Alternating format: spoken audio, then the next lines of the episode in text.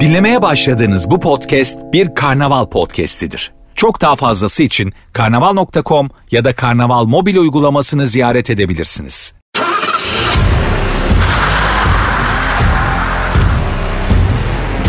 Süreyya İzgi ile Araba Muhabbeti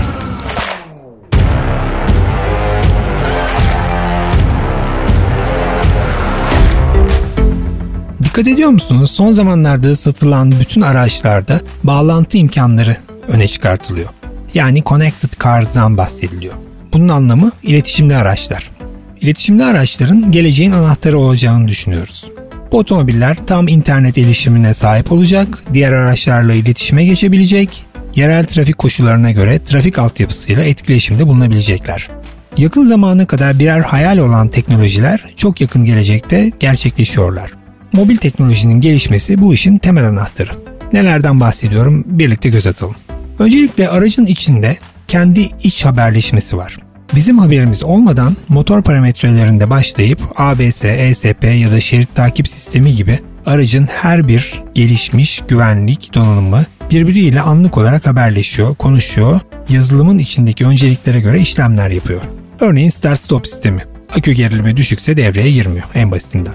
Güncel orta ve üst sınıf araçların bazılarının içinde ise bir TCU yani telematik kontrol ünitesi bulunuyor.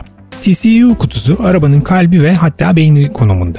Otomobilin CAN hattını yani Controller Area Network hattını dinleyerek araçtaki tüm cihazların kendi arasındaki iletişimini sağlıyor. Telematik kontrol ünitesi.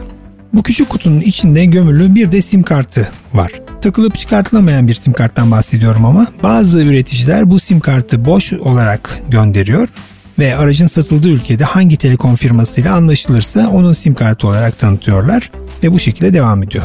Bazı üreticiler ise bu detayla hiç uğraşmıyor. Dünya çapında tanınan bir telekom firmasıyla anlaşıyor ve aracın satıldığı ülkelerde roaming ücreti verilerek data transferi sağlanıyor.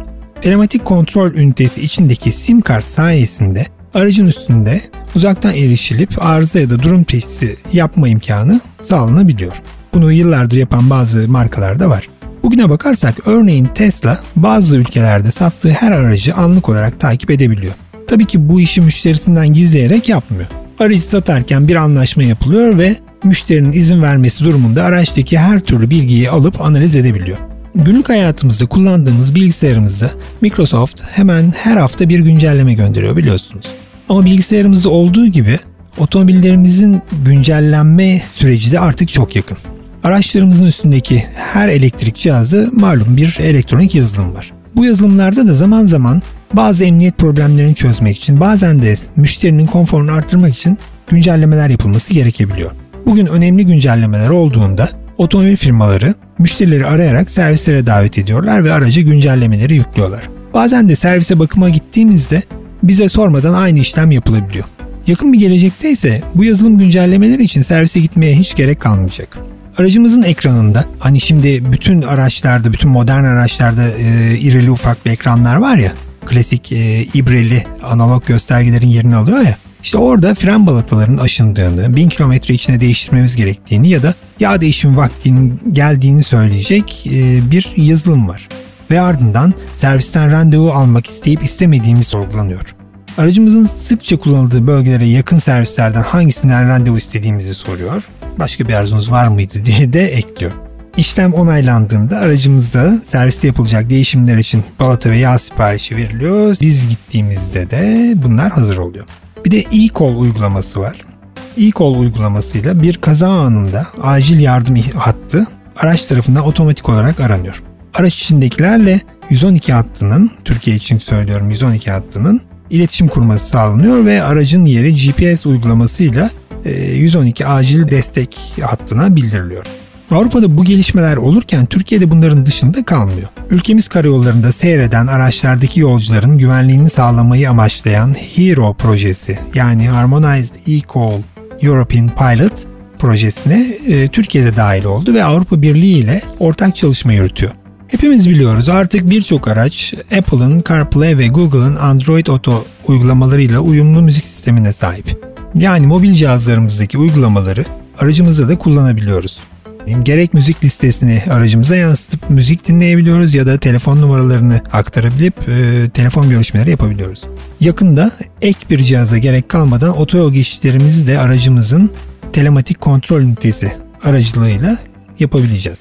Ve evimize geldiğimizde evdeki sistemle iletişime geçerek örneğin garaj kapısını açacak, bariyeri açacak, aracımızı park edeceğiz.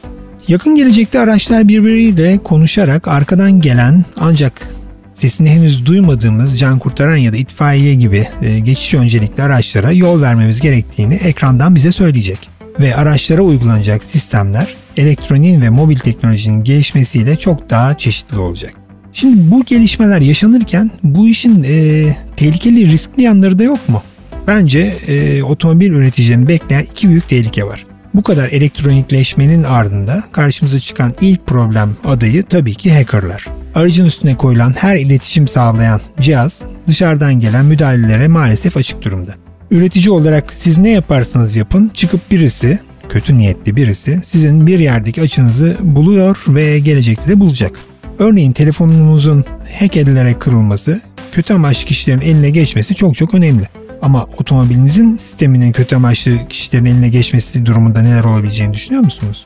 Neler yapılabilir? Teknolojik gelişimlerin yanında göz ardı edilmemesi gereken en önemli soru ya da sorun bu. İkinci ve otomobil firmalarının varlıklarını tehdit eden diğer konu ise bugünün otomobil firmaları otomobil yapmayı çok iyi biliyorlar. Fakat elektronik cihaz hele hele içindeki yazılımları yazmayı henüz mobil cihaz üreticileri kadar bilmiyorlar. Önlerinde birkaç seçenek var. Ya bu sistemleri paket olarak satın alacaklar ve sonuçta sadece hardware üreticisi haline gelecekler ki istedikleri bir durum olacağını zannetmiyorum. Gelecekte no-name bilgisayar üreticisi gibi biz de araba üreticisinin değil software üreticisinden bahsediyor olacağız. Bugün bunun en güzel örneği Google'ın yaptığı araba. Hiç kimse aracı kimin ürettiğinden bahsetmiyor. Google'ın arabası. İlginçtir. Toyota da bu yolu seçenlerden biri. Hatta yakın zamanda Microsoft ile bir e, lisans anlaşması da yapmışlardı. Peki bu durumda otomobil üreticileri ne yapacaklar? Ya elektroniğe yatırım yapacaklar, kendi teknolojileri kendileri geliştirecekler ki bunun anlamı ek arge maliyeti demek.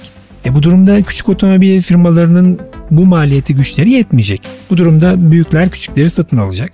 Küçükler dediğim de hani Opel gibi, ne bileyim Mitsubishi gibi. Küçük dediğim bunlar. E büyükler işte PSA nasıl Opel'i satın aldı ya da e, Renault Nissan nasıl Mitsubishi'yi satın aldı.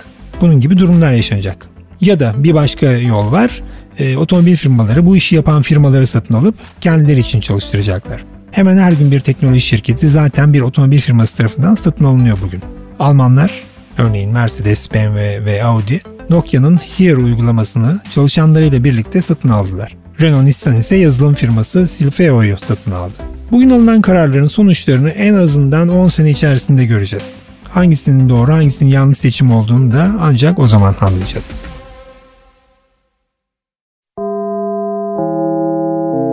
Dinlemiş olduğunuz bu podcast bir karnaval podcastidir. Çok daha fazlası için karnaval.com ya da karnaval mobil uygulamasını ziyaret edebilirsiniz.